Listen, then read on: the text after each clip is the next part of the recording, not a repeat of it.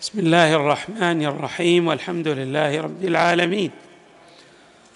والصلاة والسلام على أشرف الخلق سيدنا ونبينا محمد وآله أجمعين الطيبين الطاهرين. لا زال الكلام موصولا حول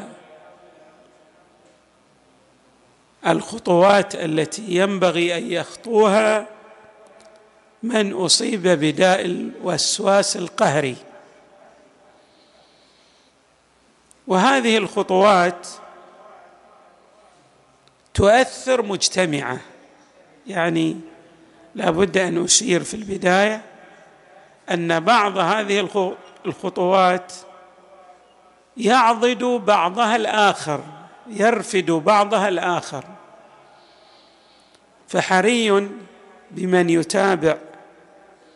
هذا البرنامج أن يلتفت إلى هذا الأمر بمعنى لا يقتصر في تطبيقه على بعض الخطوات وإنما يحاول جادا أن يطبق كل الخطوات ولكن بشكل تدريجي. هذه الخطوة أيضا من الأهمية بمكان وهي الشكر. الشكر له أهمية وقد وردت آيات متعددة في القرآن الكريم وروايات كثيرة عن النبي صلى الله عليه وآله والأئمة من أهل البيت. أشير مثلا إلى بعض الآيات الواردة في الشكر. قال الله تبارك وتعالى في القرآن الكريم لئن شكرتم لأزيدنكم. وقال تعالى ما يفعل الله بعذابكم إن شكرتم وآمنتم وكان الله شاكرا عليما. وهذه الآية ترتبط ببحثنا ارتباطا جذريا يعني تشير إلى ارتباط ما يلقاه الإنسان من الأذى مع قلة الشكر أو مع انعدام الشكر. أيضا نجد أن الله تبارك وتعالى يثني مادحا على أنبيائه. مثلا ذرية من حملنا مع نوح إنه كان عبدا شكورا.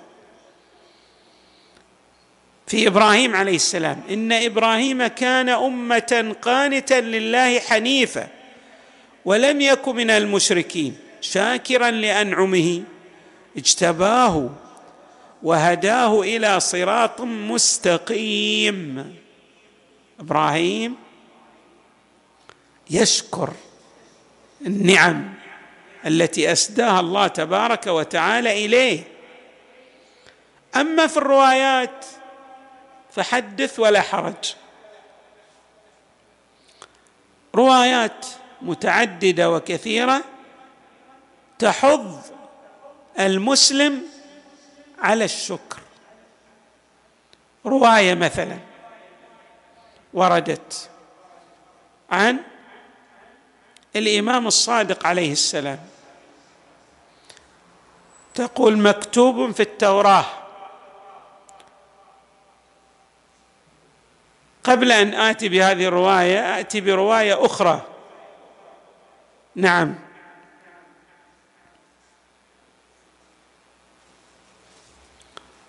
هذه الرواية عن الإمام أمير المؤمنين عليه السلام وهي رواية جميلة. من أعطي الشكر لم يحرم الزيادة.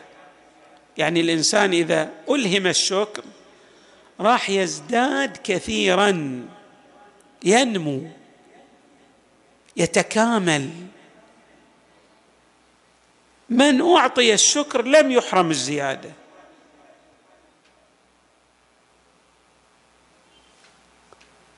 أيضا رواية عن الامام الرضا عليه السلام. اعلموا أنكم لا تشكرون الله بشيء بعد الإيمان بالله ورسوله وبعد الاعتراف بحقوق أولياء الله من آل محمد عليهم السلام أحب إليكم من معاونتكم لإخوانكم المؤمنين على دنياهم.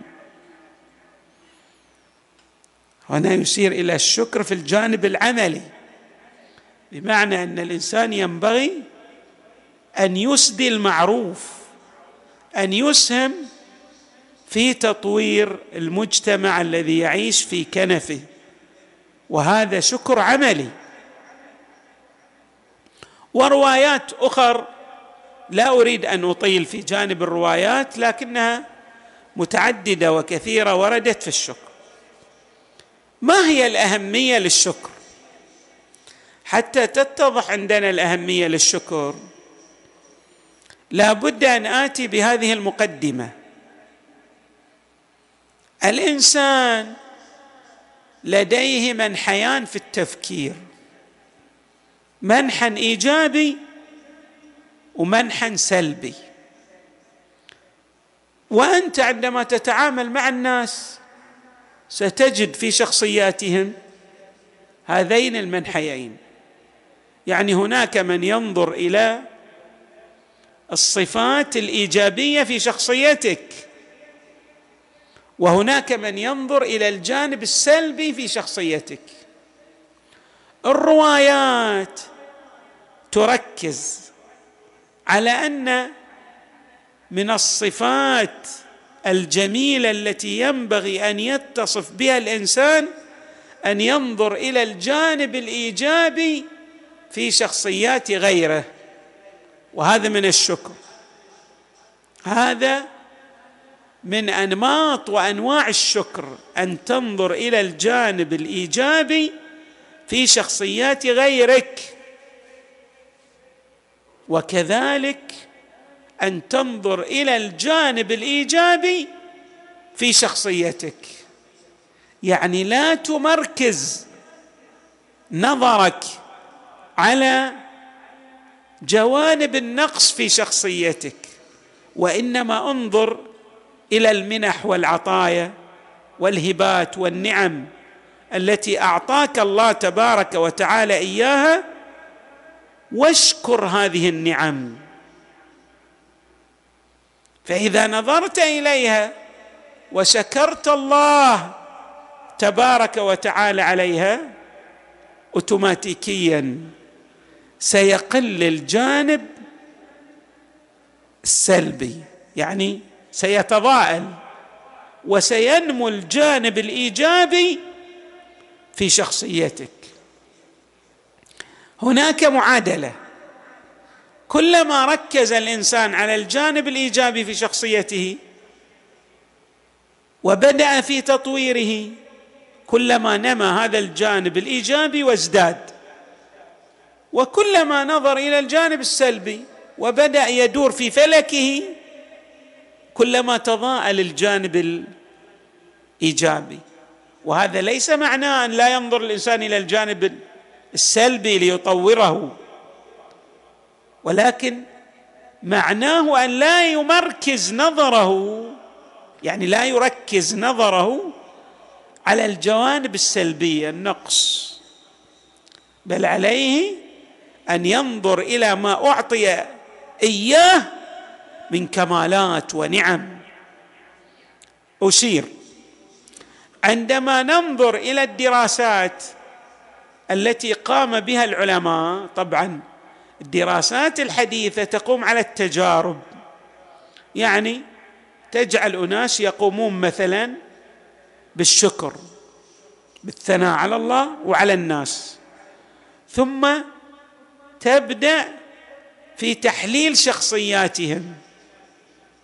لتكتشف بعد إذن أن ما لديهم من جوانب سلبية بدأ يتضاءل يزول يمحي والعكس صحيح نما الجانب الإيجابي في شخصياتهم.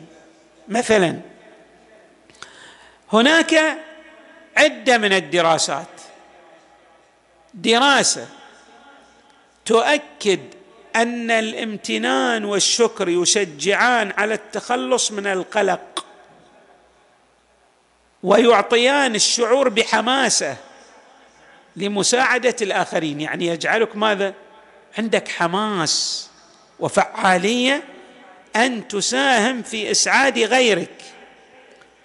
وهناك بحث أيضا أظهر وجود ارتباط بين الشكر والامتنان وبين الصحة التي يعيشها الإنسان. يعني الإنسان كيف يتصل بالصحة؟ كلما ازداد في شكره لله والثناء على الناس يعني يمدح من لديهم جوانب إيجابية كلما تمتع بصحة أفضل في شخصيته.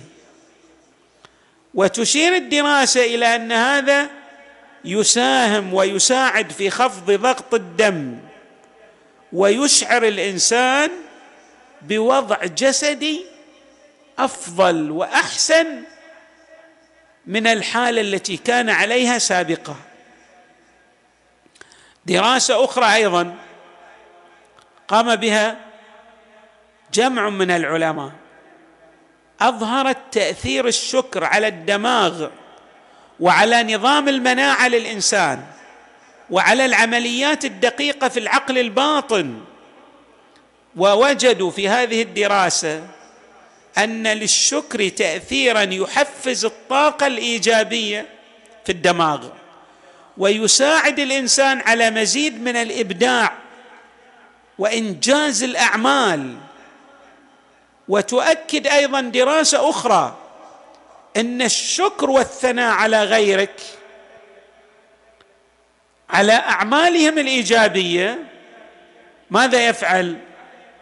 وكذلك الامتنان لله والثناء على الله تبارك وتعالى يزيدان في نظام في النظام المناعي يعني في جهاز المناعة يجعل جهاز المناعة لدى الإنسان يشتغل بفاعلية قصوى. اذا هذه مجموعة من الدراسات. دراسة أيضا أقيمت في جامعتين في أمريكا. إحدى الدراستين في بنسلفانيا والثانية في كاليفورنيا. كلا الدراستين تؤكد كل واحدة من الدراستين تؤكد أن الشكر يساعد المكتئبين الذين يصابون بنوبات من الاكتئاب الحاد. أوضح الباحثون أن الاكتئاب هو حالة معاكسة للشكر أصلا. تعاكس الشكر. إذا تشوف واحد عنده اكتئاب أعرف أنه يركز نظره على جانب سلبي ولا يريد أن يحيد عن هذا الجانب السلبي لا ينظر إلى بقية المنح والعطايا والمنن التي أغدقها الله تبارك وتعالى عليه. اذا أيضا الدراسة شو تأكد؟ تأكد كما قلنا أن الشكر هو يعاكس حالة الاكتئاب والقلق. وكذلك يساعد الشكر على مكافحة الأمراض النفسية. وأظهرت الدراسة هذه أو الدراسات الدراستان أظهرت أن الأفراد الذين حافظوا على الثناء على غيرهم والامتنان على غيرهم وذكر الجانب الإيجابي في شخصيات غيرهم هم أكثر الناس تفاؤلا ويمارسون الرياضه بانتظام وهم يعيشون صحة جسدية ممتازة بالنسبة لغيرهم. بخلاف الناس الذين يعيشون ماذا؟ في مشاحنات مع الغير يدخلون ماذا؟ في عمليات نزاع مع غيرهم. يعني ينظرون إلى الجانب السلبي في غيرهم ويدخلون في صراع مع الغير. اذا تؤكد الدراستان على أن الثناء على الغير وذكر الجوانب الإيجابية لدى الغير والثناء على الله تبارك وتعالى وذكر النعم التي أسديت إليك يقللان من التوتر والاكتئاب ويزيدان في تفاؤل الإنسان ويعززان الصحة في الجانب الجسدي والنفسي. انظروا إلى هذه الدراسات الجميلة التي تعتمد على الجانب التجريبي.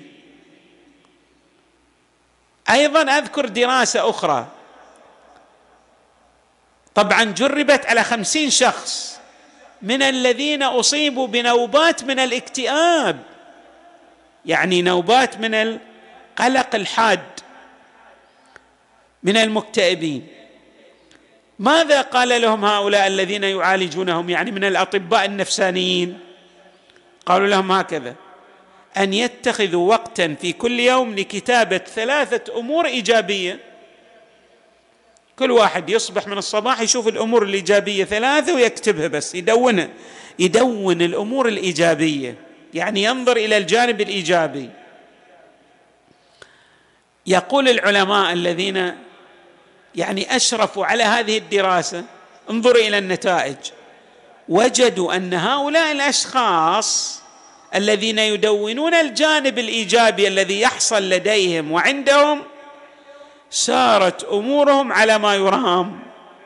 بعد وتحسنت أحوالهم وزالت أعراض الاكتئاب عنهم بنسبة 94% تصوروا 94% يعني نسبة عالية جدا. يعني يكاد أن ينعدم تنعدم حالة الاكتئاب بقى بنسبة ضئيلة جدا. أيضا أحد الدكاترة قام ببحث في إحدى الجامعات جامعة كاليفورنيا فتوصل في دراسته إلى وجود فوائد متعددة للشكر على الصحة. طبعا قام بهذه الدراسة على طلابه.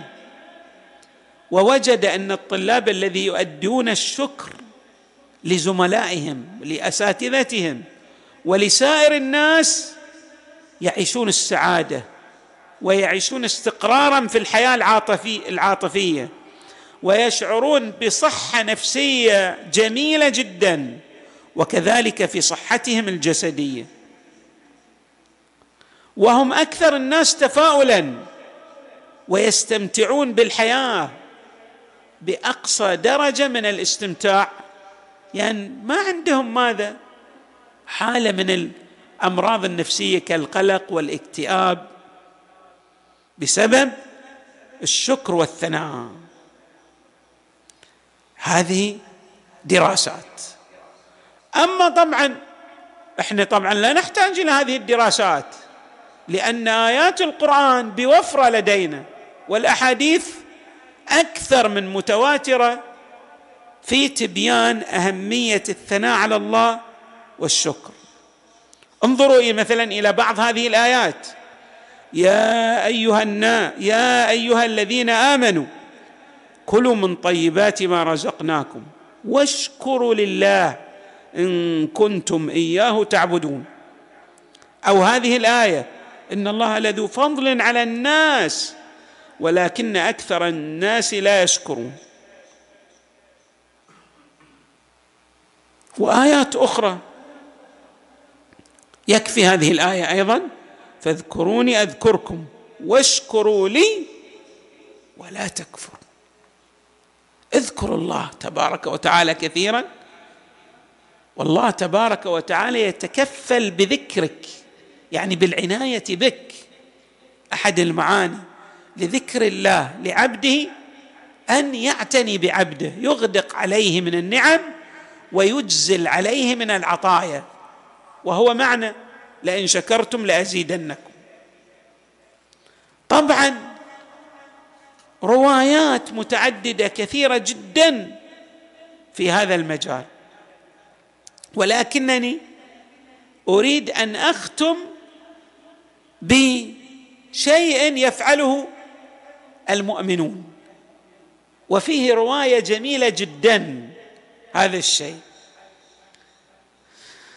كل مؤمن يصلي تراه بعد الصلاة يسجد سجدة الشكر بمعنى أنه يشكر الله على أن وفقه لأداء هذه العبادة.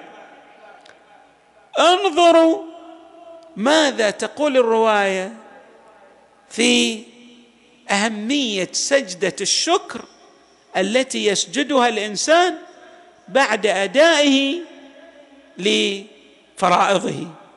الرواية عن الإمام الصادق عليه السلام. قال سجدة الشكر تتم تتم بها صلاتك.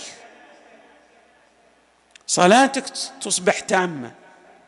تتم بها صلاتك أو تتم أنت بها صلاتك. وترضي بها ربك وتعجب الملائكة. وتعجب الملائكة منك. الملائكة تتعجب من ثنائك على الله. وحمدك لله. وشكرك لله في حالة سجودك. ثم يقول الإمام عليه السلام وإن العبد إذا صلى ثم سجد سجدة الشكر فتح الرب تبارك وتعالى الحجاب بينه وبين العبد وبين الملائكة. فيقول يا ملائكتي انظروا إلى عبدي أدى فرضي يعني ما افترضته عليه من واجب أداه وأتم عهدي ثم سجد شكرا لي على ما أنعمت به عليه. ملائكتي ماذا له عندي؟ طبعا الله الله هو العالم بس يريد أن يخبرنا ببعض فضله علينا من خلال هذا الحوار الذي يجريه بينه وبين ملائكته. ملائكتي ماذا لعبدي عندي بعد أن يؤدي هذه سجدة الشكر؟ فتقول الملائكة يا ربنا له رحمتك ارحمه برحمتك. يا ربنا رحمتك. ثم يقول الرب تبارك وتعالى ثم ماذا له بعد الرحمة؟ فتقول الملائكة يا ربنا جنتك أيضا له جنتك. ثم يقول الرب تبارك وتعالى ثم ماذا له؟ فتقول الملائكة يا ربنا كفاية مهمه الأمور التي تهمه اكفه إياها. فيقول الرب تبارك وتعالى ثم ماذا له؟ قال الامام الصادق ولا يبقى شيء من الخير إلا قالته الملائكة. فيقول الله تبارك وتعالى يا ملائكتي كل هذا ذكرته ثم ماذا بعد له؟ فتقول الملائكة ربنا لا علم لنا. بس هذه كل الخيرات ذكرناها بعد شنو لا؟ فيقول الله تبارك وتعالى أشكر له كما شكر لي الله يتولى أن يشكرك. من يشكره الله ماذا؟ ماذا يعطيه الله؟ على شكره له. ثم يقول وأقبل إليه بفضلي وأريه رحمتي. فإذا ماذا يظهر من الروايات؟ أن جميع الآلام الجسدية والنفسية والوساوس القهرية وغير القهرية تزول بالشكر. فحري بالإنسان أن يلتفت إلى هذه الأمور الثلاثة. اولا إلى آيات القرآن التي تذكر الإنسان بالشكر. وثانيا إلى الروايات. وثالثا أيضا إلى الدراسات التي ذكرت من قبل علماء قد لا يؤمنون بالآيات والروايات. ولكن جميع الدراسات التي جيء بها تؤكد ما أفصح عنه في آية القرآن الكريم وفي الروايات الواردة عن النبي صلى الله عليه وآله والأئمة. نسأل الله تبارك وتعالى أن يجعلنا وإياكم من الذاكرين الشاكرين. مع محمد وآله الطيبين الطاهرين في الدنيا والآخرة والحمد لله رب العالمين.